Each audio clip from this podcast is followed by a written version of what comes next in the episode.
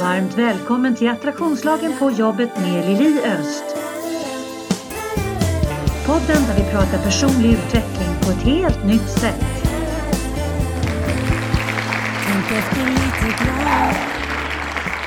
Varmt välkomna till podden Attraktionslagen på jobbet. Sitter här på Clarion Sign i Stockholm i deras härliga poddstudio med en fantastisk poddgäst. En väldigt kär vän till mig och en otroligt duktig HR-direktör. Hon har jobbat med service ungefär 150 år med stort varmt nöje att presentera Fia Westerberg. Varmt välkommen Fia. Tack snälla Lili, wow, det där, det där sätter förväntningarna. Det kan, kan ju vara som att köpa grisen i säcken också. Nej du. Ja, detsamma. Det är så kul att få vara här och eh, det är första gången som du och jag poddar tillsammans. Ja. Vi har ju gjort massor med roliga saker tillsammans genom åren, Ja. både som vänner och eh, som konsulter. Så att det är extra kul att få vara här. Tack Ja, och det är extra kul att ha dig här Fia. Du är ju då på Win Group och vi sitter på ett annat hotell och poddar just idag. Men jag vet ju att ni har goda relationer med varandra. Vi har jättegoda relationer och eh, det är ju så att vi på Vinn Hotel Group, vi är ju en multi-brand-kedja. Så att vi har ju Nordic Choice i våran, eh, i våran kedja. Så vi har ju några Nordic Choice eh, hotell och jag brukar aldrig kalla kollegorna i branschen för konkurrenter utan konkurlegor. För jag tror att man gör varandra så mycket bättre och konkurrens är alltid bra och hälsosamt. Ja men absolut och jag tänker också det är en inställningsfråga. För att om man ska utgå ifrån ett bristperspektiv för att när man säger att det är konkurrenter då blir det någonstans att man utgår ifrån ett bristperspektiv att det finns bara plats för en spelare så att säga. Men om man är konkur- konkurleger eller vad du sa. Ja, konkurlegor ja. Ja precis. Ja. Då blir det, alltså, då, du får fraset för att du behöver vara on your toes. Mm. Men det visar också att det finns ju plats för fler. Man kan ligga parallellt med varandra på toppen faktiskt. Mm. Och ju fler som ligger parallellt med varandra på toppen ju, ju bättre energi sprider vi ju runt oss i världen oavsett vad det är för bransch. Absolut och det finns ju någonting för alla. Och jag brukar också säga det att produkten är ju ganska lika och det handlar ju lite grann om det vi ska prata om idag. Det här med att eh, service som det starkaste konkurrensmedlet för att de flesta hotellkedjor och fristående hotell har ju en fantastisk produkt. Alla har en trevlig restaurang, man har en trevlig bar, man har härlig musik i högtalarna och det är sköna sängar och man kan få välja från en kuddmeny och det finns så mycket fantastiska saker som man blir erbjuds idag på hotell. Men servicen, det är där man kan sticka ut. Så att servicen är ju helt avgörande för företagets framgång och resultat. De mjuka värdena. Ja och de tänker jag oavsett om det handlar om hotellbranschen eller om det handlar om vilken bransch som helst. Alltså Sibylla korvmojen eller, eller vad det nu kan vara för någonting. Att jobba med människor som vi båda gör och jobba med service, det jag brukar säga att 90% är relationer. Och 10% är kunskap av faktiskt det jag står och gör, det som är min arbetsuppgift. Så det är så oerhört viktigt och det är faktiskt relationen som gör att jag kommer tillbaks till om det är ett hotell eller om det är korvmojen eller min pizzeria eller min bilhandlare. Och det blir ganska tydligt för mig häromdagen bara, jag kom på det precis nu när du sa det, jag har eh, köpt min bil i Gävle på bilbolaget och jag tänker ju så här att när man ska köpa en bil, ja men en bil ska bara rulla och gå så ska det bara funka. Men du vet att de här på bilbolaget i Gävle, de var helt magiska. Från det att jag köpte bilen till att jag byter till sommar eller vinterdäck, till att jag byter ut min ruta när jag fått stenskott. Varenda gång jag kommer dit så får jag sån kärlek och sån värme i bemötandet. Så att jag skulle ju aldrig drömma om att byta bilföretag. För de har ju förstått det här. Ja, men om de vill ha mig som kund så bygger de en fantastisk relation med mig. Och inte nog med att de ger ett så fint bemötande, sen ringer de också upp och frågar, funkar allting? Har du luft i däcken? Funkar det bra att köra från Gävle till Stockholm? Och, och du vet att jag blir alltså varm i hjärtat när jag får ett sånt bemötande och det var bara häromdagen. Apropå det här med relationer och hur viktigt det är. Mm. Och jag tänker att det blir viktigare och viktigare.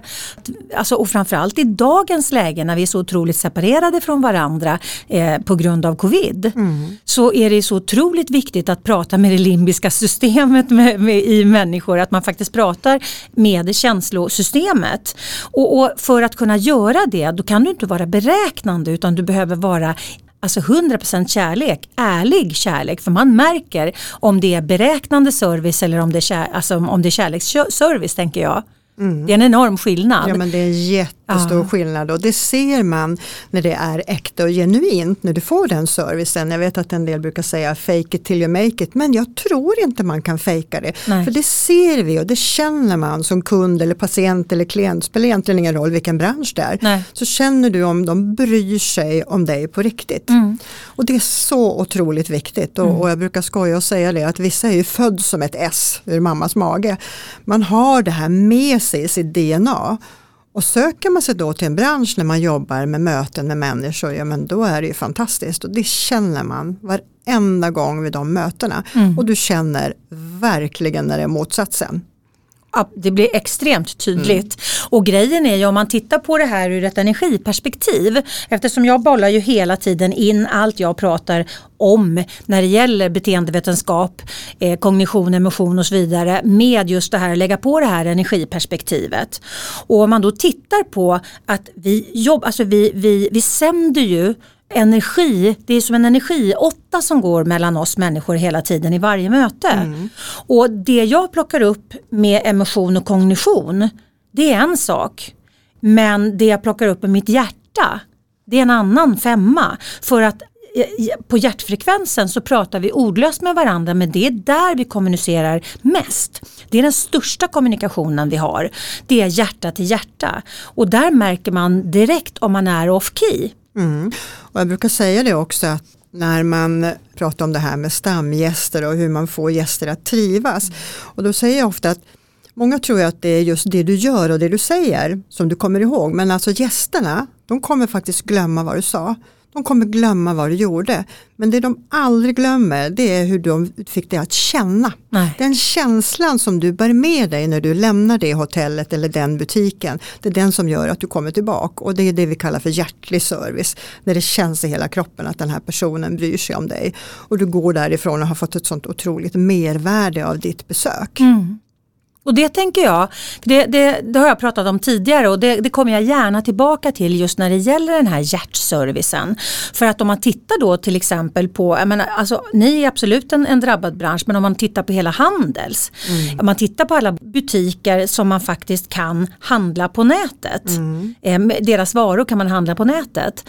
Om man då tittar på hur många det är som inte har förstått att vi behöver ha hjärtlig service för att vi ska skapa ambassadörer som vill komma tillbaka som bara känner nej men jag vet inte vad det är för någonting när jag går in i den här affären mm. men jag känner mig så lycklig när jag kommer där ut även om jag inte har handlat så känner jag mig så lycklig jag måste dit till, tillbaka för att jag, jag, alltså, vi sätter ju igång belöningssystemet mm. på människor genom att jobba med det limbiska systemet eller att man gör det inom hotellvärlden eller att man gör det inom upplevelsebranschen överhuvudtaget. Och så är det så många som, har liksom, som inte har fattat den här prylen. Mm.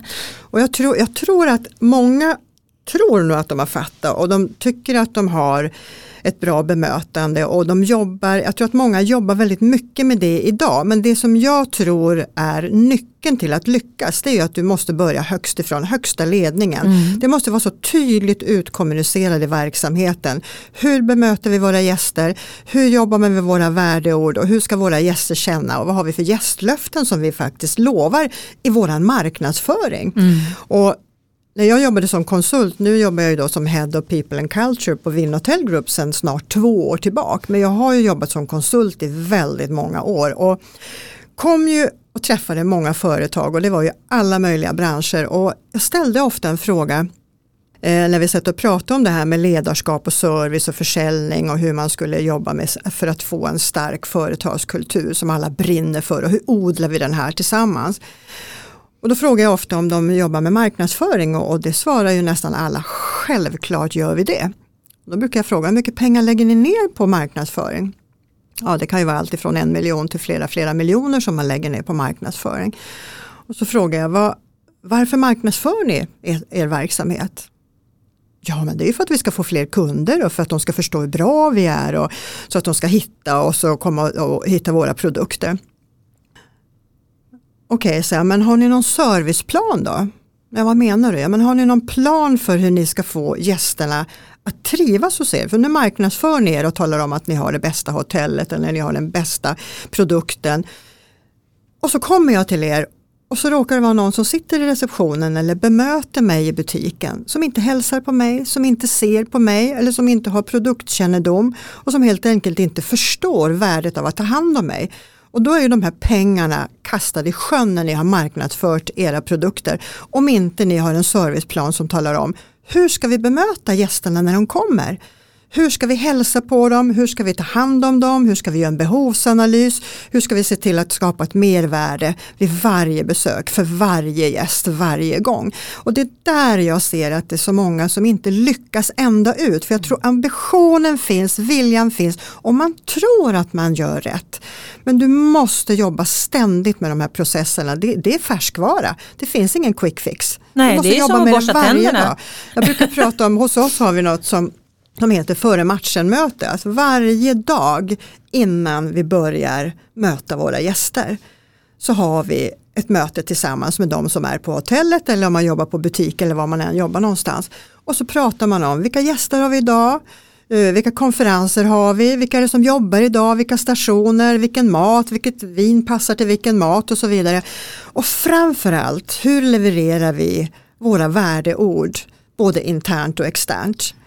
Och hur ska vi jobba med omsorgsförsäljning som vi kallar, en del kallar det för merförsäljning men vi har valt att kalla det för omsorgsförsäljning. För att försäljning för mig det behöver inte vara att jag säljer en produkt just här och nu utan jag säljer en upplevelse, mm. jag säljer en känsla. Det kan vara så att jag säljer ett besök någon annan gång för att den här gästen får en god känsla mm. av att vara hos oss. Så där kan jag uppleva själv som gäst att man det där ibland och att man glömmer bort att prata service och gästen varje dag på jobbet. För jag menar, jag är helt övertygad om att Zlatan vet hur man spelar fotboll. Men ungefär 99% av sin tid så tränar han mm. och 1% har han match. Och vi, vi har match 99 och i de bästa världar så tränar vi på service, försäljning och ledarskap. Det är precis samma, Zlatan är ett fotbollsproffs men man blir inte per automatik ett serviceproffs bara för att man går en kurs eller sitter på en föreläsning en gång om året. Utan mm. det här måste vi träna på varje dag. Mm. För då blir vi också bäst. Mm.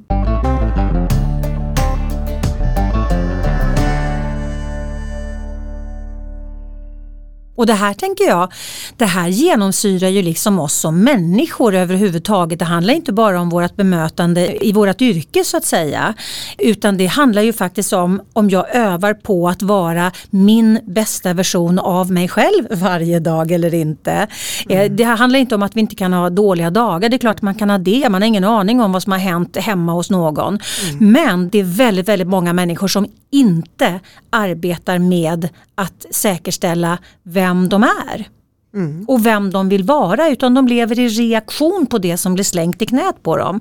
Övar man inte då på eh, att fundera igenom sina värdegrunder, vem jag vill vara, hur jag vill bemöta och så vidare eh, utan kanske är lite wobblig i de frågorna då, då hamnar jag i reaktioner kanske som är, är, mycket allvarligare än de skulle vara om jag hade övat på att tänka vem, igenom vem vill jag vara. Mm, absolut och jag brukar ju också prata om, om eh, det här med mina värderingar. Alltså, eh, jag brukar ofta fråga det här, vad är en värdering egentligen? En värdering det är ju någonting som man bär med sig i livet. Vi har ju olika värderingar, alla människor har olika värderingar och det ska vi ha. En värdering är ganska svår att ändra på. Och det handlar ju om en ledstång i livet eller vad som är rätt och fel eller socialt arv från föräldrarna och vad man har med sig i sitt bagage.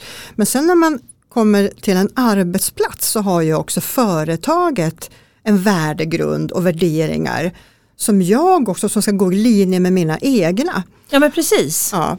Och så det är så otroligt viktigt också att företaget också talar om att det här är våran värdegrund, det här är våra värderingar och hur ska vi hur ska vi kommunicera våra värderingar mot våra gäster och även mot kollegor. Så att värderingarna är ju oerhört viktiga och att man faktiskt jobbar med varje dag, även på de här före matchen-möten, att man pratar om om man har ett värdeord som är omtanke eller personliga, men hur ska vi visa omtanke till våra gäster? Hur ska vi visa glädje till våra gäster? Men vi måste börja med oss själv. Mm.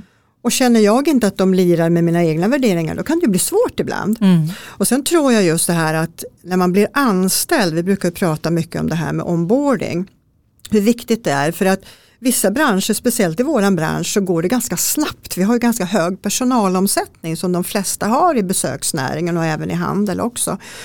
Så man investerar inte alltid en tydlig onboarding eller till och med en preboarding innan du har din första arbetsdag. Du får läsa på företagets värdegrund, värderingar, våra policies eh, som vi har. Så att jag tror att det är väldigt viktigt att rusta medarbetarna med den kunskapen och det modet som krävs för att kunna leverera den här fantastiska servicen som vi förväntar oss. Så det här handlar ju tycker jag om ledarskap rakt igenom om vi misslyckas som ledare att kommunicera ut det här till våra medarbetare. Då kan vi inte ställa krav och ha de förväntningarna heller till våra medarbetare som jobbar ute i fronten. För det är ju våra hjältar på fältet, det är mm. ju faktiskt de som är vår kärnverksamhet. Ja men precis. Och där tänker jag också om man då tittar på ledningsgruppen som ska liksom, där bör, måste du börja.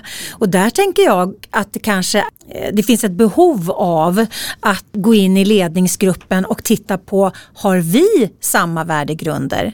Alltså utgår vi från samma, handlar inte bara om företagets värdegrunder utan kan jag som, led, ja, som ledningsgruppsmedlem, ja. mm. kan jag jacka i dina värderingar, alltså lirar mm. våra eh, personliga mm. värderingar med varandra och mm. med företagets värderingar. För jag tänker att det är en överhoppad del, även om man mm. sitter i ledningsgruppsmöten och pratar om, eller ledningsnivå och pratar om vad har vi för värdegrunder i företaget. Mm. Så tänker jag att nästa fråga som blir om man lyfter blicken lite till och zoomar ut lite mer, mm. det är ju okej, okay, delar vi värderingar? Alltså grundvärderingar, personliga grundvärderingar. För att om inte vi delar personliga grundvärderingar och så ska vi förhålla oss och tolka företagets värderingar så ska vi kommunicera ut dem. Vilket betyder att, att jag kommunicerar ut företagets värderingar på ett sätt medan du kommunicerar våra värderingar på ett helt annat sätt utifrån din tolkning och jag gör utifrån min tolkning. Så jag tänker att man, man behöver redan på ledningsnivå faktiskt har en samsyn. Mm.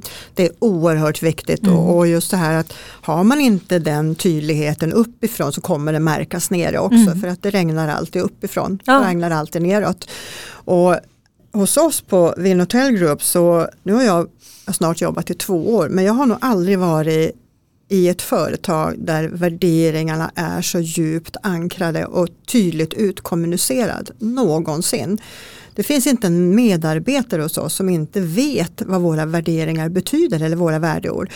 Utan vad vi gör det är att vi klär dem med beteende. Vilka mm. beteenden vill vi se i våra värdeord? För att värdeord blir väldigt lätt en lång racka ord eller som sitter på någon plansch eller på något papper eller man pratar om dem på någon kick-off och så är det lite halleluja och så går man till jobbet och sen så har man glömt bort det. Eller man vet inte, man har inte, man har inte gått hela vägen fram med att tala om vad betyder de här värderingarna för oss, både internt och externt. Mm. Och vilka förväntningar och krav har vi på att du ska leverera våra, våra värderingar till gäst och till varandra.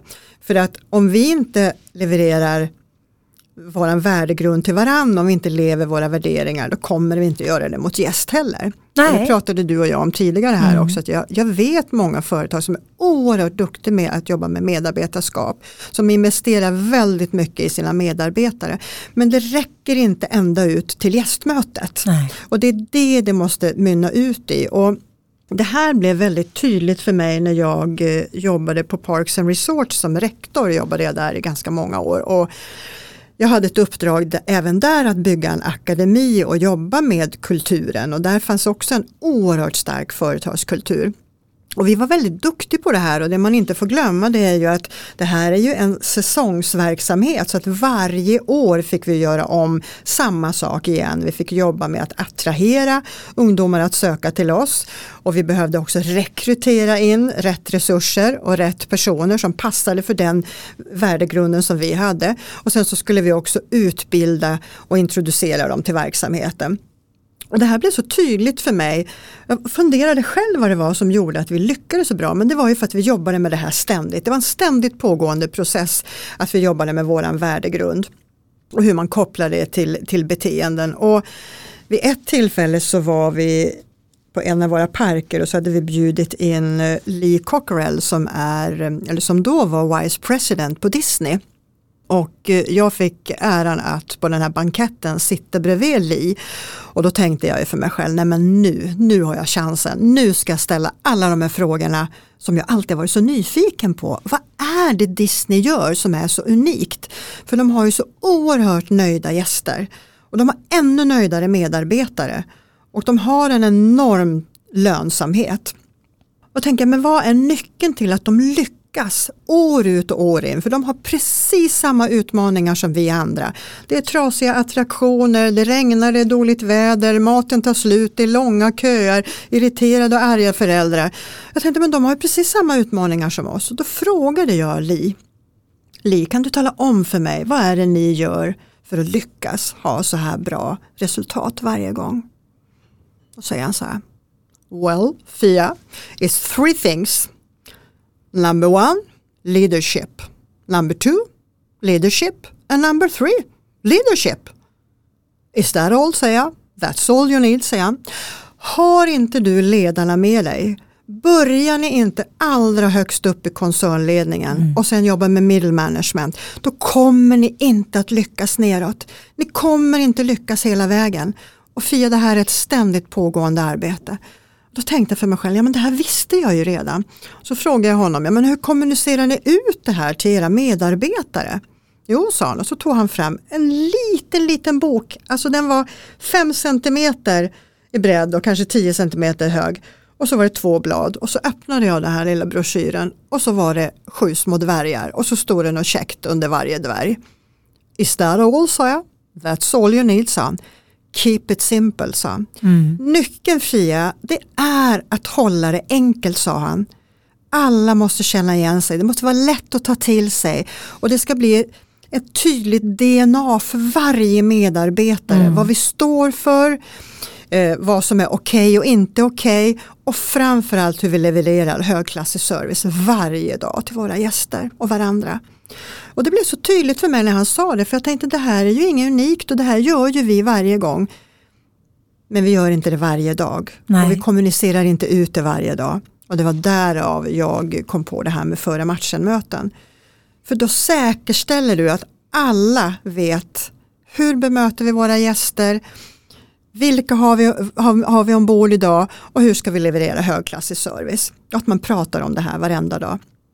Och det är just och tillsammans odla en tydlig företagskultur. Mm. För den odlar vi tillsammans. Du lyssnar på Attraktionslagen på jobbet. Podden som utmanar gamla sanningar och inspirerar till nya tankegångar. Ja, och genom repetition. Exakt. För att alltså repetition Exakt. är ju lär, ja. Eh, lärdomens eh, fader och moder. Mm. För att du, det blir liksom inte på en, en eh, fantastisk workshop eller en fantastisk föreläsning. Det kan vara, du kan vara high on life i, i en vecka efter en mm. sån. Men det är ingenting som har förändrats, det är ingen transformation som har skett. För att det är bara någonting som har, det är bara ett, ett tändsticka, en tändsticka mm. som har tänts och sen så släcks den och sen så går du tillbaka till dina, dina gamla beteenden. Men du, jobbade, du drev ju ett företag förut som heter Service Academy. Mm. Så du har ju alltså jobbat med service, alltså huvudsakligen med service i hur många år som helst. Mm. Och jag kommer ihåg jag var med dig på en föreläsning som du höll. Eh, du, du gjorde en föreläsningsturné eller ett, ett mm. workshoparbete med, med eh, ett... Eh, ett Stureplansgruppen var det. Precis. Mm. Och där hade ju ni tagit fram en sån här liten bok, mm. kommer jag ihåg.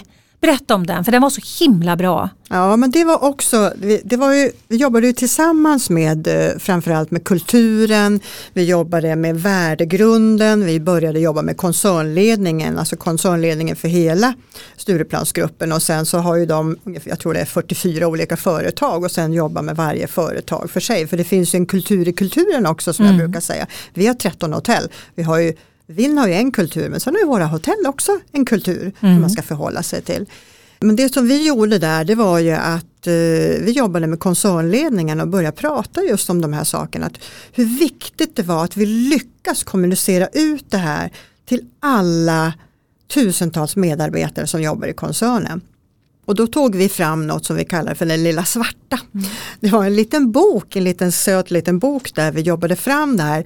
När vi pratade om eh, värdeorden, vi pratade om eh, hur vi levererar service, vi pratade gästpsykologi, vi pratade omsorgsförsäljning, hur vi ska skapa ett mervärde för våra gäster. Vi pratade också om det här hur vi förhållningssätt mot varandra. Ja, vi paketerade allting i en liten bok och det kan man ju ha både digitalt eller om man vill ha en liten bok. Men symbolvärdet att ha den här lilla svarta boken som vi tog fram där, det var just att den hade alla med sig på sina före matchen möten. Mm. Så alla hade med sig sin lilla bibel, sin servicebibel. För då först blir det på riktigt på något mm, sätt. När man mm. går igenom och vi jobbar ju med någonting hos oss också som heter servicetrappan. Alltifrån hur du bemöter gästen till du ge, har ett kärt eh, avsked med gästen och hälsar dem välkommen åter. För båda de delarna är oerhört viktiga hur du uppmärksammar gästen och hur du hälsar dem välkommen tillbaka. Mm. Och den här känslan som vi vill skicka med gästen för att vi ska vara det självklara valet för deras nästa besök. Mm. Och inte bara det utan jag pratade om den här trappan, tror jag nämnde för dig tidigare, som jag jobbade med under mina 17 år på flyget. Och det är en trappa där man har, första trappsteget är kultur. Och har man då en tydligt utkommunicerad kultur som vi hade i det här projektet som, som vi pratar om nu. Om den är tydlig och alla känner sig trygg i den. Om man då har ledare som håller i taktpinnen, coachar, stöttar, peppar, inspirerar, motiverar medarbetarna varje dag på jobbet.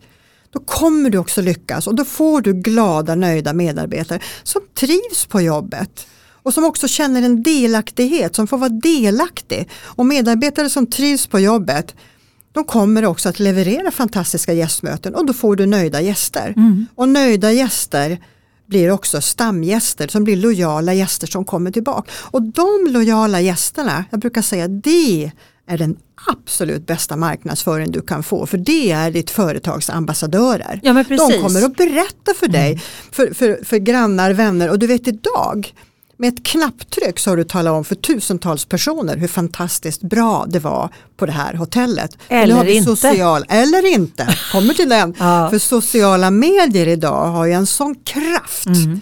Både när du får fantastiska bemötande och när du inte när du får mindre fantastiska. Men om man då följer den här trappan med kultur, ledarskap, nöjda medarbetare, nöjda gäster, skapa lojala gäster som också ökar lönsamheten. Och jag har sett den här teorin, det här är en väldigt enkel teori, men det är ingen quick fix för det är ju färskvara som du sa så klokt Lili tidigare. Så du måste jobba med den här processen hela tiden, varje dag, mm. i varje möte. Mm. Och då kommer du att lyckas. Och det här när jag jobbar som konsult, precis som du Lili, när man tar fram det här dollartecknet och frågar vill ni öka er lönsamhet? Det är ingen som säger nej på den. Och då brukar jag säga att då börjar vi med första trappsteget. Hur ser er värdegrund ut? Hur ser er kultur ut? Vad är det för kultur ni odlar här? Mm. Jag menar, du har säkert som jag som konsult kommit in till företag ibland och nästan när jag står i receptionen, när jag kommer ur hissen så kan jag nästan känna nej, här skulle inte jag vilja jobba. Mm. Och det genomsyrar hela verksamheten. Då känner jag när jag sitter i det rummet med en eventuell eh, vd då som jag ska göra ett samarbete med att nej, jag förstår att man inte trivs på den här arbetsplatsen. Mm. För det genomsyrar allt de gör. Eller jag kliver ur hissen och känner den här kärleken till den personen som sitter i receptionen och de jag möter. Och börjar fundera, undrar hur man söker jobb på det här stället för här vill ju jag jobba. Mm. Alltså så, det, det, det, är så enkelt egentligen och det är så svårt. Mm. Och för mig är det en gåta hur man inte kan lyckas. På min hemsida liliost.se hittar du massor av matnyttig information både för dig som privatperson såväl som för er som företag. Du hittar mina onlinekurser och vad som är på gång och aktuellt just nu. Du kan köpa mina böcker och få dem signerade och du hittar min musik, bland annat vignettmusiken till podden. Och under fliken gratis har du nedladdningsbara pdf och minikurser som kan hjälpa dig att lyfta ditt liv och teamet till en ny nivå. Ja men jag håller med dig och om jag tittar på det, jag, jag, vill ju alltid bolla tillbaka till med tanke på att jag har attraktionslagen som, som en, en del av min grund i min metodik. Och attraktionslagen funkar lika attraherar lika. Och vi interagerar alltså med attraktionslagen, med biofältet utanför oss själva genom våran känsla. Mm. Så våran känsla är den viktigaste vi har att ha reda på i varje given stund, i varje vaken stund. För att om du går omkring och är frustrerad, irriterad, förbannad, läser in mellan raderna med vad dina kollegor säger, kommunicerar inte det du känner på ett bra sätt. Du använder vargspråk istället för giraffspråk. Du anklagar och du, du går på, i på liksom, istället för att vilja landa väl. För att om alla har som intention att landa väl då får vi en helt annan typ av dialog. Men om man ska ha rätt och man ska, jag ska minsann och man utgår ifrån eh, den här, alltså jag tror att jag sa det i förra podden också men det tål att upprepas det här, det fattar väl, väl vem som helst att det är så här. Om det inte det landade så har ju uppenbarligen inte alla de glasögonen på sig och då behöver man kommunicera det på ett bra sätt som leder, alltså så att leder till ett ställe där man kan landa väl. Och om man inte förstår den här att oavsett vad jag tycker så får jag ett energikvitto på det hur jag fokuserar. Mm. Och det smittar ju av sig också. Ja. Jag brukar säga att det där är ju, minus är ju starkare än plus. Mm. Och det vet vi och det är därför också det är så viktigt att ha de här mötena på morgonen mm. för då kan du checka av varandra också. För det, kan ju alltid vara, det kan ju ha hänt vad som helst. Jag har haft en dålig morgon eller någonting har hänt eller eh, katten har sprungit iväg eller jag bråkar med mannen eller ungarna var förfärliga på morgonen. Och så kommer jag till jobbet och då är det viktigt också att jag checkar in. Jag mm. brukar säga att jag måste checka in mentalt när jag mm. kommer till jobbet. Och vi hade på min förra arbetsplats så pratade vi om det här med on stage och off stage. Mm. Just det att när jag kommer till jobbet, jag kliver på scenen, jag är med i en ständigt pågående föreställning och jag får oftast bara en chans. Mm. Och då tittar jag mig i spegeln, jag kollar att jag är hel och ren och allting sitter på plats. Och så jag tittar också inifrån, hur mår jag? Jag nästan öppnar den här gardinen och tänker, ja men idag ska jag se till att det blir en riktigt bra dag. Och jag, gör, jag har något litet mantra för mig själv där också och jag trycker på gladknappen för då är det showtime. Mm. För att mina gäster, kunder, patienter, klienter, spelar ingen roll. De har inte betalt för att jag ska ha en dålig dag. Men jag måste också förbereda mig för det. För att den här energin som du säger, även om jag går dit och försöker fejka det, det kommer att synas. Jajamän. Men har jag då kollegor som har lite koll på varandra när man står där och har sitt möte, då kan man ju faktiskt känna av, mm. men min kollega mår inte så bra idag, så checkar jag av det också så kan man prata om det en stund. För att det är så oerhört viktigt att vi checkar in varje gång och inte bara förutsätter att alla är med i matchen utan vi måste ha ett förmöte mm. där också, precis som du säger, för det är så otroligt viktigt. Jag jobbar ju många år som showproducent och manusförfattare och regissör. Jag har ju ett artistiskt förflutet. Men jag har ju också då inte bara jobbat på scenen utan även liksom bakom scenen. Och där jobbade jag för To Entertain i många år med att skriva, producera och regissera shower. Och då åkte jag ju runt bland alla hotellen. De jobbade ju i tätt samarbete då med fritidsresor. Och åkte runt alla de hotellen och eh, satte upp de här showerna. Och, och jag, fick, jag fick ju rätt fort börja jobba med krishantering. För att du vet fyra un, unga människor långt borta hemifrån Många gånger de här unga de hade lite dålig självkänsla men de hade bra självförtroende så att då blev det lite att de klev på varandra. De hade ingen känsla av var gränserna gick utan de tog för sig och, och, och liksom, de skadade eh, förtroendet sig emellan. Så det blev ju ofta eh, kris. Jag var tvungen att åka på krishantering. Och där var jag tvungen att faktiskt bestämma att när vi går in backstage Då hänger vi av oss privatrocken. Mm. För att du vet, de var i luven på varandra hela tiden och de, eh, de läste mellan raderna, de antog prylar, de kollade inte av utan de antog från, utifrån sin karta. Så antog de att det var så för att han sa så och då antog jag att det var så här. Men det var ingen som kollade av att det verkligen var så. Men vi var tvungna att göra liksom, när du går in backstage så hänger du av dig privaten för att sen ska du on stage och varenda jävel som sitter i publiken kommer läsa rent känslomässigt vad du ger ut. Så det var en, en bra grej att faktiskt stänga av sig privaten när man kom till jobbet. Det kan också vara en väldigt bra grej för att det kanske är, är så att man har det jobbigt hemma mm. och då kan det bli en fristad att hänga av sig privaten när man kliver in på jobbet. Mm. För att om man ska liksom tänka på privaten att man har en dålig relation eller att man är förbannad på ungarna eller vad det nu kan vara för någonting. Om man ska blanda in det i sitt arbete under dagen då blir ju det ett störningsmoment och det kan vara rätt skönt att få liksom bara släppa jag brukar snacka om att lägga saker i cylindrar. Mm. Mm. Då kan man lägga vad det nu var för någonting som, som kändes ökan i en cylinder. Det betyder inte att det inte finns, det betyder bara att jag behöver inte ge det min fulla fokus hela tiden. Och då har jag space att vara någon annan i någon annan energi. Eh, för att jag behöver inte vara i reaktion på mig själv hela tiden. Och det här tänker jag är otroligt viktigt när man tänker i företag. För att jag menar, när jag går till jobbet, oavsett om jag jobbar på en, en bilfirma eller om jag jobbar på ett hotell eller om jag sitter på eh, ICA. Liksom, så spelar alltså de människorna som jag ska interagera med, de blir ju min dagfamilj. Och, och där behöver ju vi ha känslospröten ute, vi behöver känna in varandra, vi behöver, vi behöver vara bjussiga, vi behöver inkludera varandra. Eh, om man då har den här konkurrenstänket hela tiden, ja men då har man ju glasögon på sig där man, där man kanske jobbar för att sänka varandra för att höja upp sig själv eh, för att bli sedd eh, av någon chef och så vidare. Och jag menar, det skapar en känsla i kroppen på den aktören som sprids till kund hela tiden. Inte bara backstage.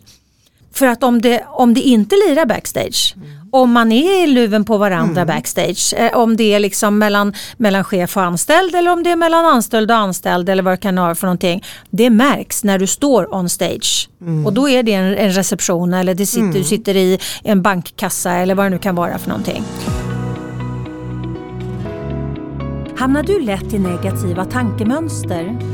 Tar du ut oro i förskott? Känner du att livet skulle kunna vara så mycket mer men du vet inte hur du ska komma vidare?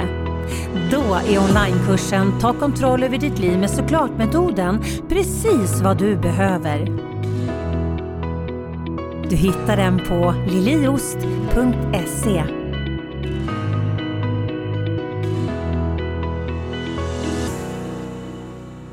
Ja, den där är ju så otroligt viktigt för det, det, är ju mänskligt att reagera. Det är mänskligt att ha, att ha med sig ett bagage när man kommer till jobbet. Men det som är viktigt också på jag som då kommer från flyget, där här pratade vi briefing och debriefing. Mm. Just det att man på briefingen kanske pratar om det här. Ja men idag mår jag inte bra eller idag har det här hänt så att ni vet. Mm. Så att inte kollegorna går och retar upp sig på den här personen som kanske är lite hängig eller kanske inte har klippet i blicket just den dagen. Då får man liksom lösa det. Mm. Men sen tror jag också att under ett pass när man jobbar, det är ju så att vi är många som jobbar. Vi har ganska hög personalomsättning, det kommer nya medarbetare, du har nya arbetsuppgifter uppgifter, det nya gäster. Det händer saker varje dag hela tiden. Då är det otroligt viktigt också och, om man vill kalla det för debriefing eller efter matchen möte. Ja, men vad gjorde vi bra? Mm. Vad var det som hände? Det var någon, några som hamnade i konflikt eller vi hade någon arg gäst som blev förbannad. Det finns ju så mycket som händer under dagen så man måste också stänga den här påsen också innan man går hem. För mm. många gånger händer det att man går hem, mår inte så bra. Man kanske inte liksom fick prata ut om det eller hamnade i någon konflikt med en gäst eller en kollega. Och det kanske inte fanns någon ledare på plats där heller. Så det är så otroligt viktigt att prata ut om det. Och jag brukar säga, även om det tar 3, 5, 7 minuter, gå laget runt så alla får prata av sig också. För det är ganska skönt mm. att få göra det. Eller säga jag blev förbannad, jag blev ledsen eller du hjälpte inte till eller jag upplever att du är lat. Just den här feedbackkulturen som vi jobbar ständigt med att både lyfta varandra och skapa den high five-kulturen men också kunna tala om vad som inte var bra. Mm. Eller om man blev ledsen eller arg över någonting. Jag tror att det är oerhört viktigt att jobba med feedback och få det som en naturlig del i vardagen. Att inte att, det är något farligt. Men ja. det är inget mm. farligt mm. för vi svenskar, vi är väl, jag tror att vi är Europas mest konflikträdda land, mm. om inte ens till och med världens. Mm. Och, och, och, där behöver vi träna och bli mycket bättre på det, vare sig det är en konflikt med en gäst eller om det är en konflikt med, med kollegor. För att det är ju så här att om vi har interna konflikter det kommer synas direkt i gästmötet också. Mm. Gästerna kommer känna av det. Så att jag tror det här att lyfta saker varje dag med varandra, det är så viktigt. Och, och jag vet att när jag, jag brukar prata om det, vi pratar ibland om gästpsykologi men det är samma med oss medarbetare. Vi är ju olika personer mm. och det vill jag att vi ska få vara. Ett av våra värdeord är ju personlig. Vi har sagt att man ska få vara sig själv. För det tillåts, man har, man har mandat och befogenheter att vara sig själv så länge man håller sig inom företagets ramar. Och då var det någon som sa, ja men man, man, man säger ju att man ska bemöta andra som man själv vill bli bemött. Nej, jag håller faktiskt inte med om det utan vi ska bemöta andra som de vill bli bemötta. Mm. Alla har inte samma förväntningar och krav på hur vi vill bli bemötta. Det var en vi väldigt får inte utgå tydlig ifrån distinktion. oss själv. Mm. Och, och, Jag tycker absolut att vi ska bemöta andra ibland som vi själv vill bli bemött. Men om vi börjar med att titta på individen, för vi är alla olika, vare sig det är en kollega eller om det är en gäst. Mm. Så måste vi jobba med gäst och medarbetarpsykologi också. Och det är inte alltid, det är inte alltid man pratar om det. Så vi har ju en, en utbildning som vi till och med kallar för, kallar för gästpsykologi. Det är ju superbra. Ja.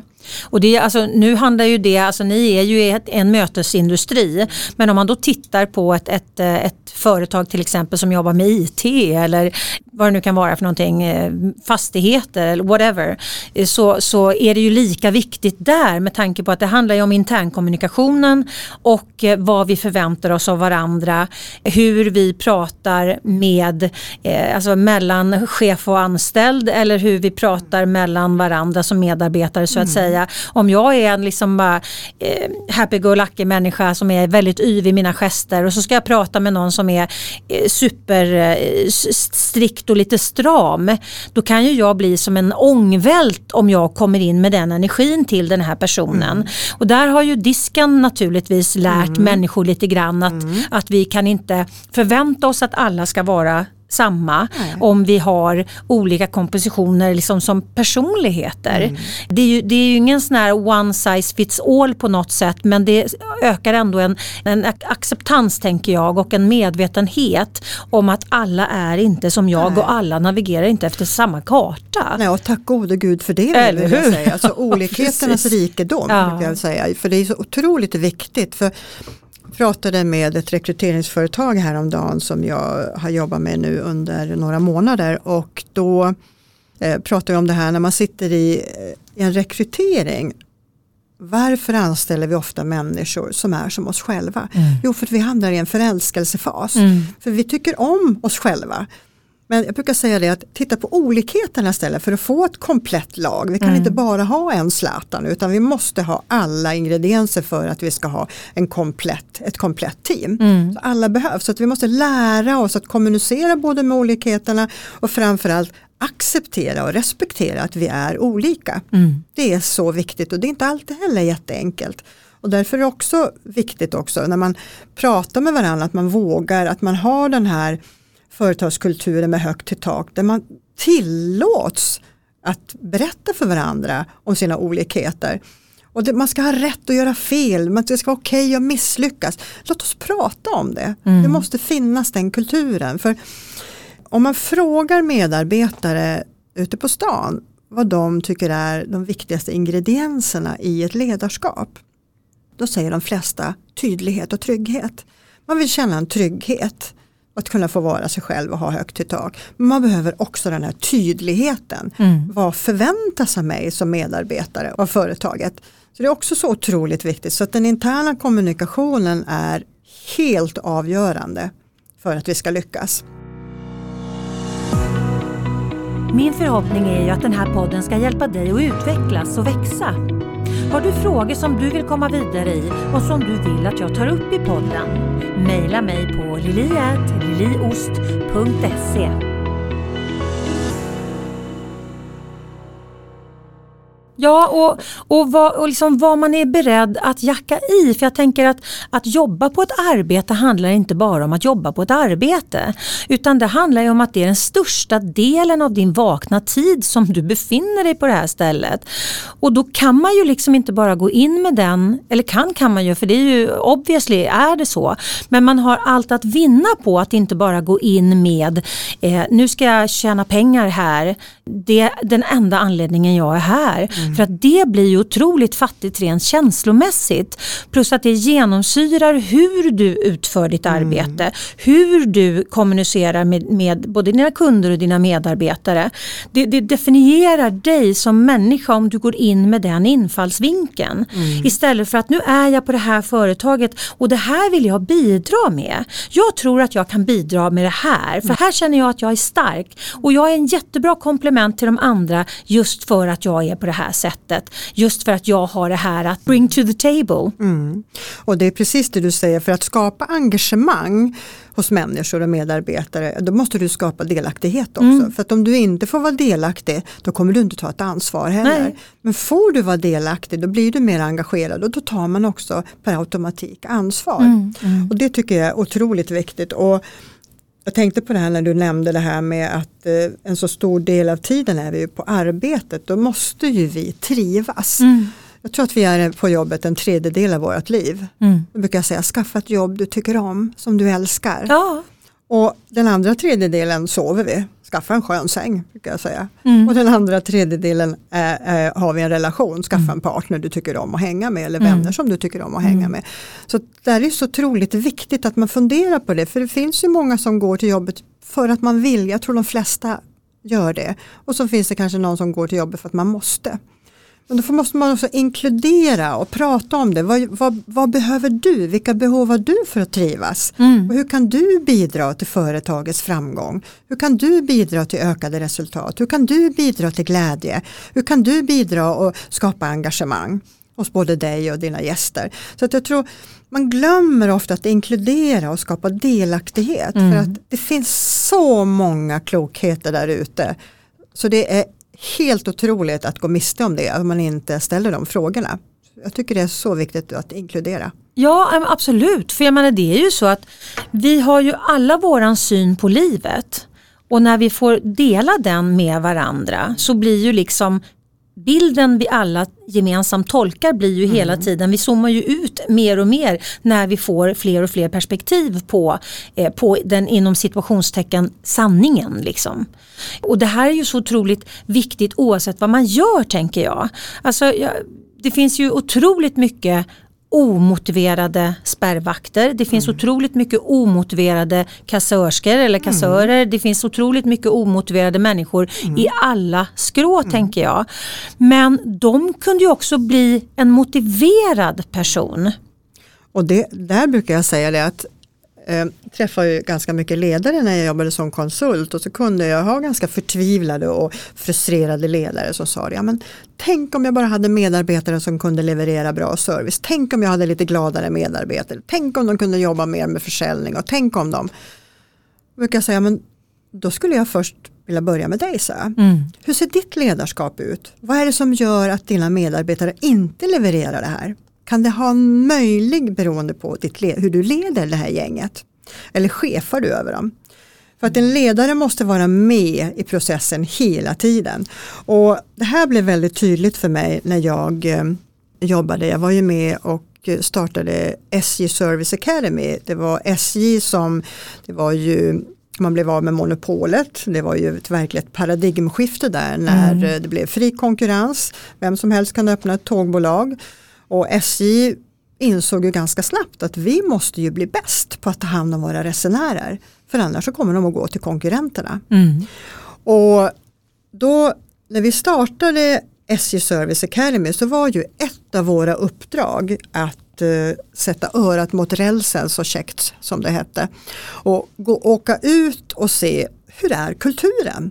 Vi hade då högsta ledningen på SJ som också talade om för oss att åk ut, prata med medarbetarna, titta på vad som funkar, vad som funkar mindre bra. För vår uppfattning är att kulturen är på det här sättet men vi kan ha fel.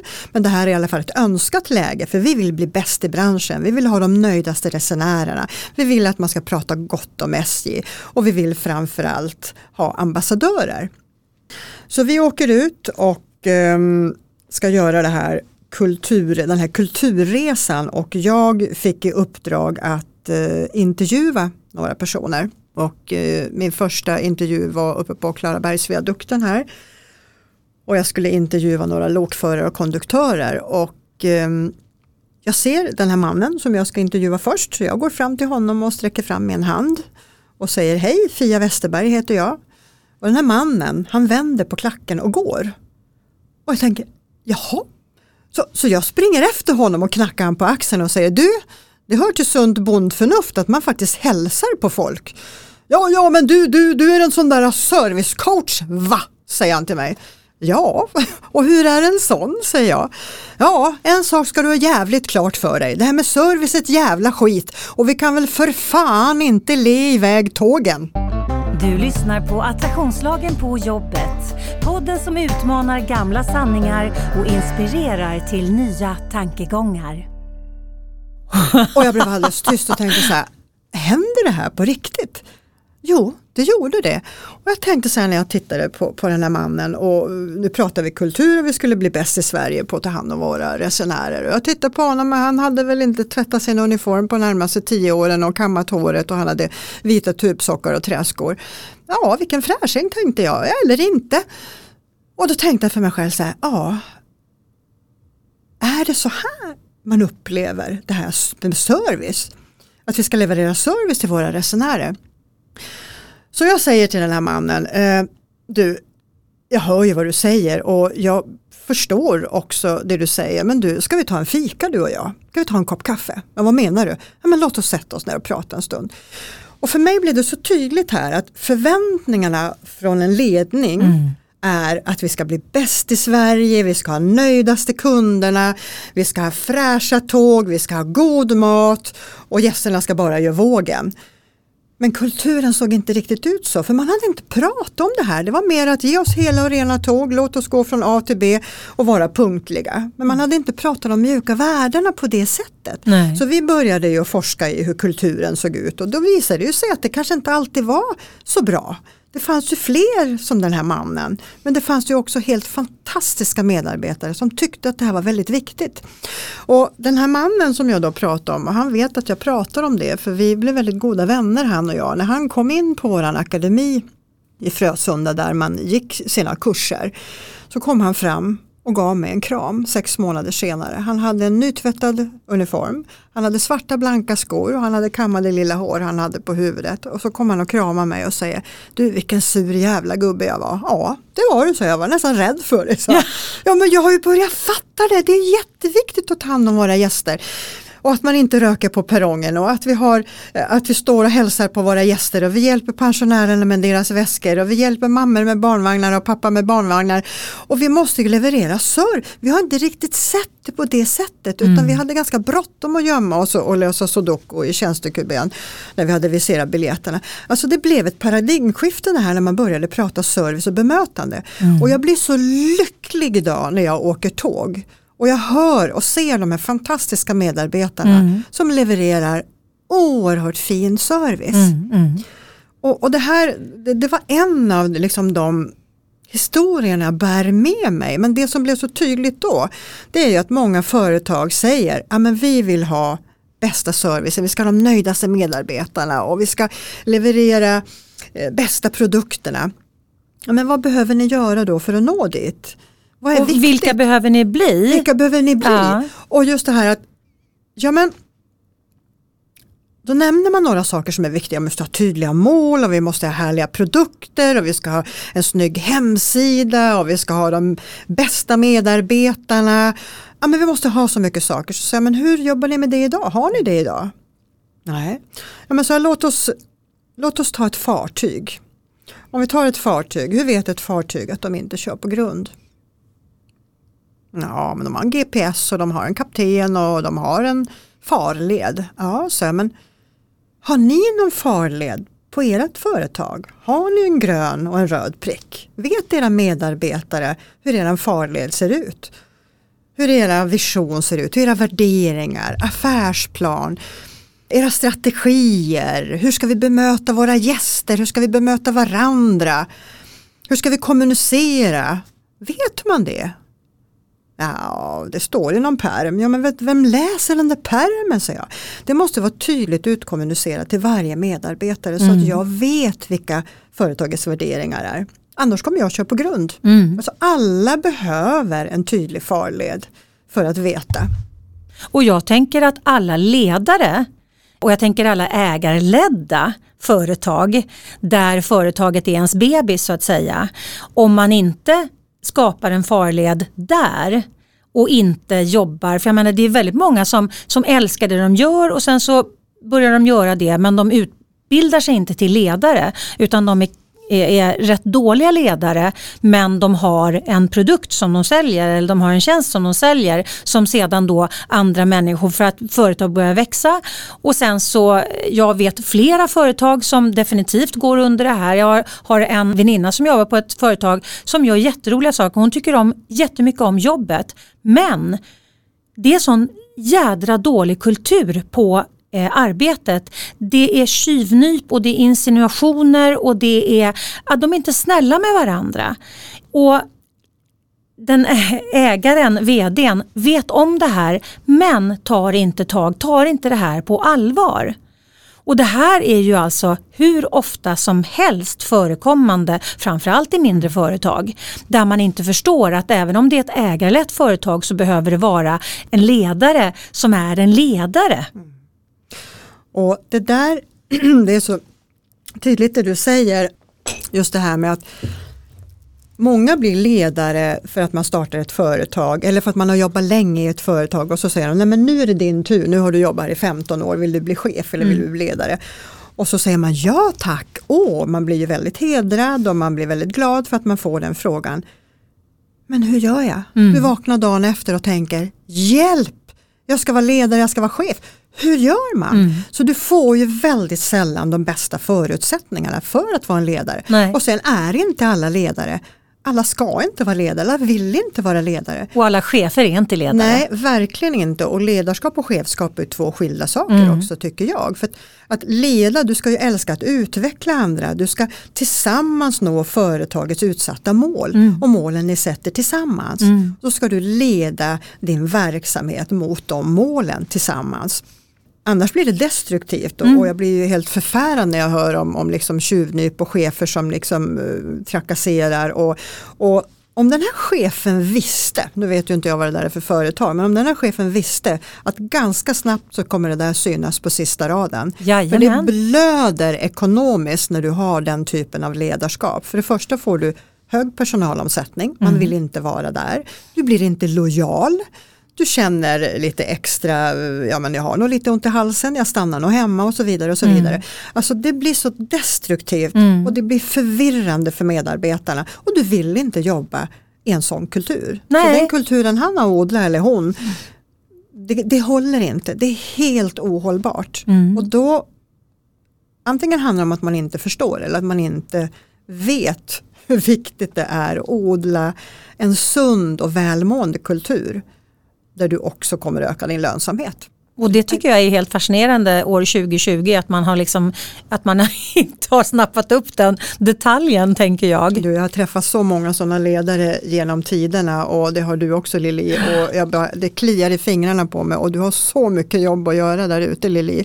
Och jag vet att du är och jobbar med de här delarna på företag mm. och det är så många, så många som behöver hjälp just för att högsta ledarna de ska inte fokusera på det här, man ska ta hjälp av proffs för att implementera det här. Men det som är viktigt det är att ledaren efter att konsulten har gått därifrån tar över stafettpinnen mm. och taktpinnen och håller det här vid liv. Så du blir train the trainer för att du behöver... Mm. Exakt, för så många gånger när jag har kommit tillbaka efter ett tag och haft någon ledare som kanske då har varit en, en mindre eh, ska man säga, motiverad ledare att hålla det här vid liv har också sagt så här att ja men Fia, ja men du vet efter ett halvår så då liksom det föll tillbaka och nu gör alla som de gjorde tidigare och det här funkar inte och du vet nu, nu är det som vanligt igen. Ja, men så berätta, vad har du gjort för att underhålla det här? Mm. Hur inspirerar och motiverar du dina medarbetare i det dagliga arbetet? Och hur ofta pratar ni om det här? Nej men det var ju ditt jobb, det, var ju, det, det, det har vi inte gjort sedan du åkte härifrån. Nej men så här, vet du vad, jag var ganska tydlig med att tala om att när jag går härifrån, det är då jobbet börjar. Mm. Det här måste ni jobba med varje dag. I varje process, varenda ledningsgruppsmöte så ska det här vara en stående punkt när ni pratar om mjuka värdena för att det ska ramla ner på sista raden. Mm. Och där behöver man hjälp och, och det tycker jag många är duktiga på att ta idag. Och det är de som också ser att man kan ganska snabbt räkna hem den investeringen. Mm. Att investera i de mjuka värdena. Mm. Men jag tänker att det finns fler företag som behöver ta hjälp som faktiskt skulle vinna på det.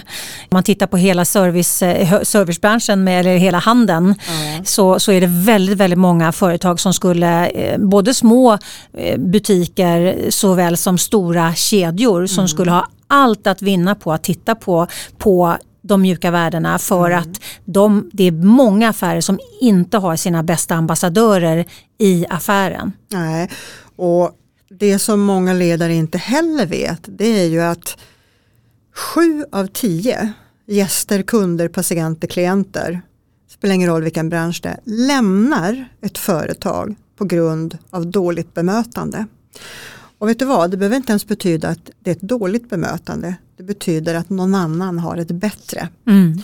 Så att det, det, det handlar hela tiden om att behålla gästerna, kunderna som du har. Men om inte du har medarbetare som vårdar kundrelationerna, då går de till någon annan. Mm. Och den här SIF-undersökningen den visar just att 68% av gäster, kunder, patienter, klienter går till något annat företag för att man är missnöjd med, med bemötandet eller att någon annan var bättre. Mm. 9% är priset, 14% kvaliteten. Så att du hör ju vilka förfärliga siffror det är. Mm. Alltså 68, mm. 7 av 10 och jag har gjort den här mätningen på flera företag när vi har gjort egna mätningar just för att se hur många, för, hur många är det som lämnar på grund av dåligt bemötande och hur många är det faktiskt som stannar. Och, och det här är ju förfärliga siffror. Och jag fick en fråga för eh, ett tag sedan att föreläsa på en av eh, de största bankerna här i, i Sverige som också finns utomlands och sa det att vi är så fantastiskt duktiga på mycket i vår bank. Men vi får mindre bra betyg av våra kunder. Vi vill bli bättre på kundbemötande och att möta våra kunder med eh, respekt, möta våra kunder där de är, möta våra kunder så att de faktiskt blir lojala stamkunder hos oss. Så jag blev kallad dit och skulle hålla en föreläsning på 90 minuter. Man hade samlat alla ledarna från eh, den, den här banken. Och då visade jag den här SIFO-undersökningen för dem och de blev ju helt förfärade när de såg den. Mm. Och då sa jag det att det här det, det handlar inte om hårdvaran utan det handlar om mjukvaran. Och då säger en man i publik, räcker han upp handen och säger jaha, vad har du själv för bank då? För att du ska känna dig inspirerad att fortsätta följa podden ser hösten lite annorlunda ut. Varannan vecka blir det till exempel poddar både onsdag och fredag.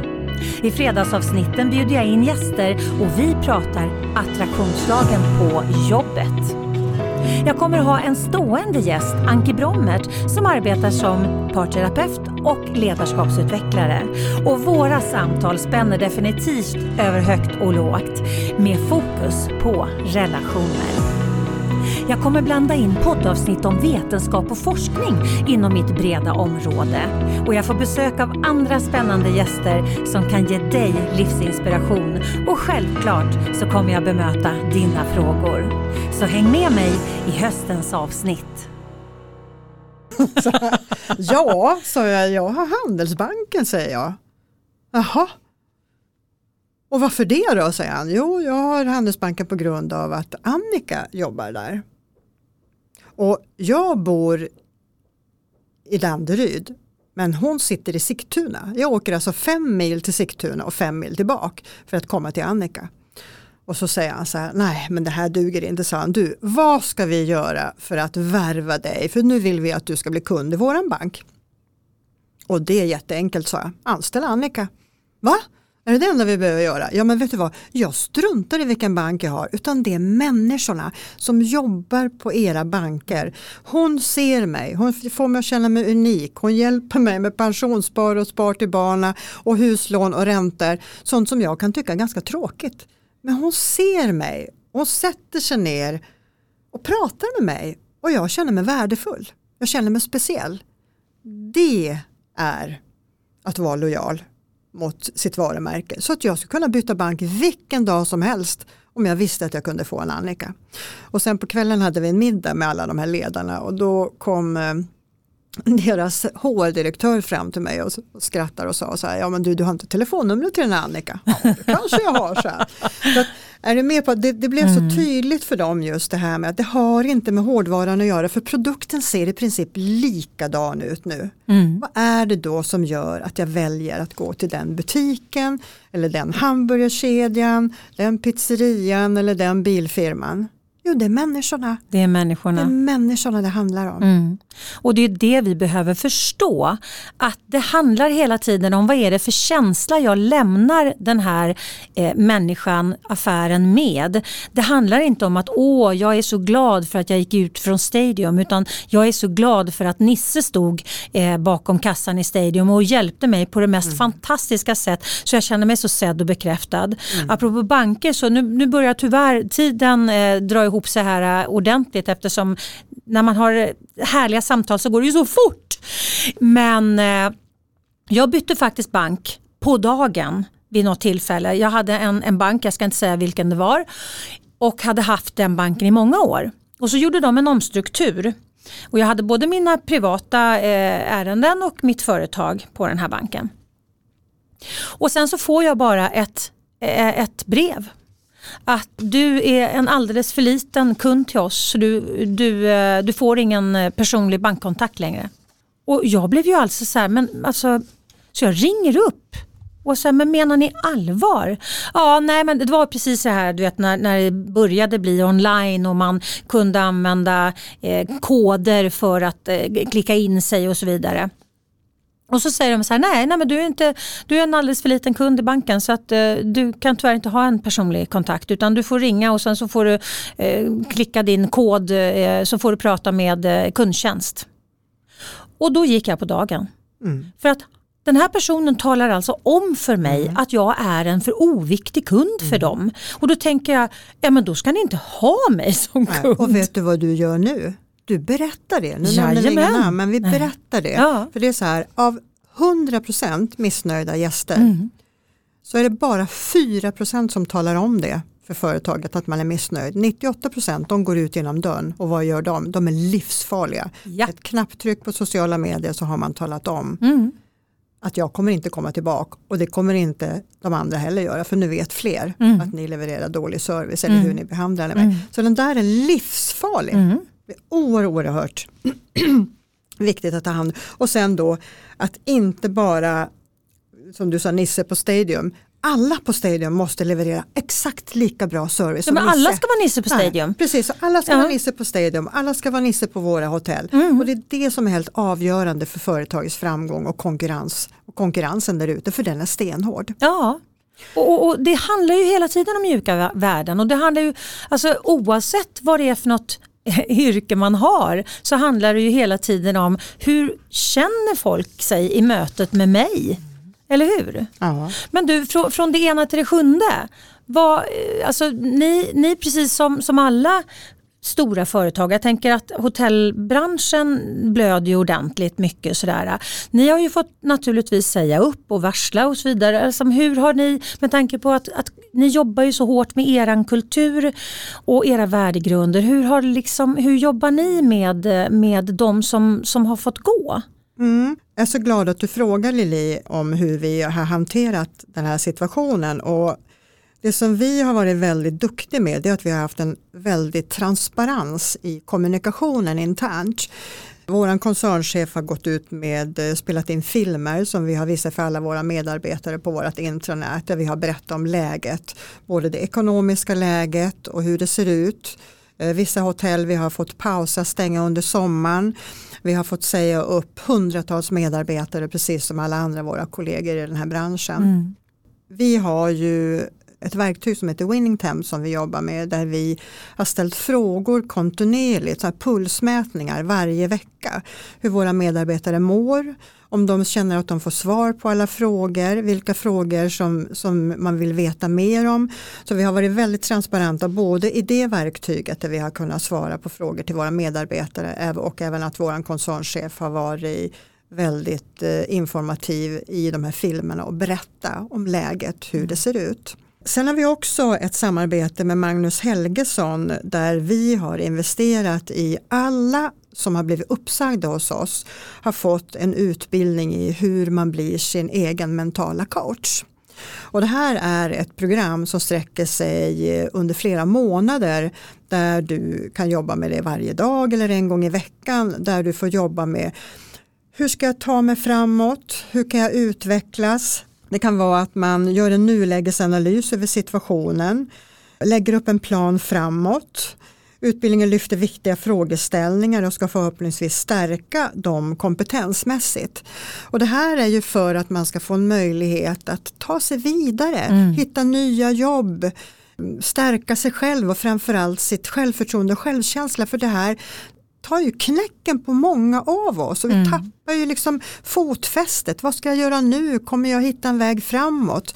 Och och vem har, är jag ja, om jag inte är den här personen? Nej, men precis, mm. och sen det här att eh, vi hoppas ju att kunna få anställa tillbaks varenda kotte. Mm. Och det är ju våran ambition. Men vi, vi ser ju såklart som många andra också att det ljusnar och vi börjar kunna hälsa tillbaka våra gäster nu som kommer tillbaka till våra hotell och även nya gäster. Men det är ju en oro framöver, den är väldigt oviss. Mm. Vi vet inte riktigt hur framtiden ser ut och jag tror faktiskt inte att vi kommer att se ett läge som det var förut utan vi måste hitta nya sätt att arbeta. Mm. Vi, har ju, vi har ju tittat på möjligheter att man kan jobba på flera avdelningar. Att man kanske inte är anställd som receptionist utan du är anställd som hotellmedarbetare. Mm. Så att du faktiskt kan jobba på flera ställen. För det gör ju också, ökar ju chansen att man kan få vara kvar och att vi kan hjälpa fler medarbetare att stanna hos oss mm. och återanställa. Så att jag tror att vi behöver tänka på helt nya sätt i vår bransch. Mm. Och jag bara vet att vi kommer klara det här för att jag tror att när jag ser nu hur viktigt det är för människor att mötas vi vill ses, vi vill mötas. Mm. Vi är trött på att sitta på Skype och Teams. Vi är inte funtade så. Nej, nej, nej, nej. vi är flockdjur, vi ja. människor. Ja. Så att jag vill tro att vi kommer att komma ur det här och ännu starkare för mm. vi lär oss av sådana här kriser också. Mm. Och jag tänker faktiskt, det är ett bra sätt att sy ihop den här påsen tänker jag, att jag tror att, för det är så mycket saker som har ställts på ända under covid, den här krisen. Och jag tror att det kommer bli ännu tydligare än det någonsin har varit innan att de mjuka värdena är så avgörande viktiga för våran hälsa och för våra business. Och jag menar, eh, alltså våran hälsa kan vi läsa på sista raden.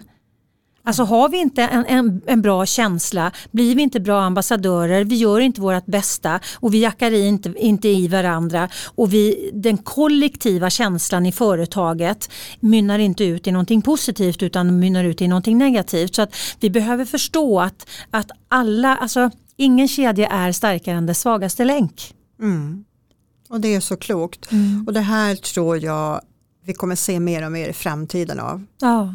Att eh, ta hand om varandra, ömsesidighet, unna och beundra varandra, beröm varandra, var rädd om varandra ute, för det behöver vi nu. Mm. Och Det tycker jag var fantastiska ord att avsluta det här med. Tack snälla Fia för att du kom och gästade podden. Idag var det mycket om service och hjärta hjärta. Och det här blev ett väldigt viktigt poddavsnitt tycker jag. Så att eh, jag hoppas att jag kan få bjuda dig tillbaka till podden Attraktionslagen på jobbet igen vid ett senare tillfälle. Och ett eh, sista hett tips ifrån dig till lyssnarna Fia, vad är det? Oj, bara ett. det blev svårt. Ta tre då. Tips till lyssnarna, men det är var nyfiken, våga utmana både varandra och verksamheten. För ni är så värdefulla och har så mycket att ge. Precis som jag sa där, bli ännu bättre på att berömma och lyfta varandra. För det kommer att ge så mycket i slutändan. Kärlek helt enkelt mm. och passion. Kärlek och passion. Så denna härliga fredag lämnar vi er med loads of love and passion. ha det bra där ute och varmt välkommen tillbaka till podden. Tack snälla Fia. Tack Lili. Hej då. Hej då. Du har lyssnat på podden Attraktionslagen på jobbet. Podden som utmanar gamla sanningar och inspirerar till nya tankegångar. Tänk efter lite grann. Hur har du det omkring dig nu? Är du nöjd? Är du nöjd med det du har? Var är du i ditt liv? Har du funderat på att ta ett annorlunda kliv? Känner du som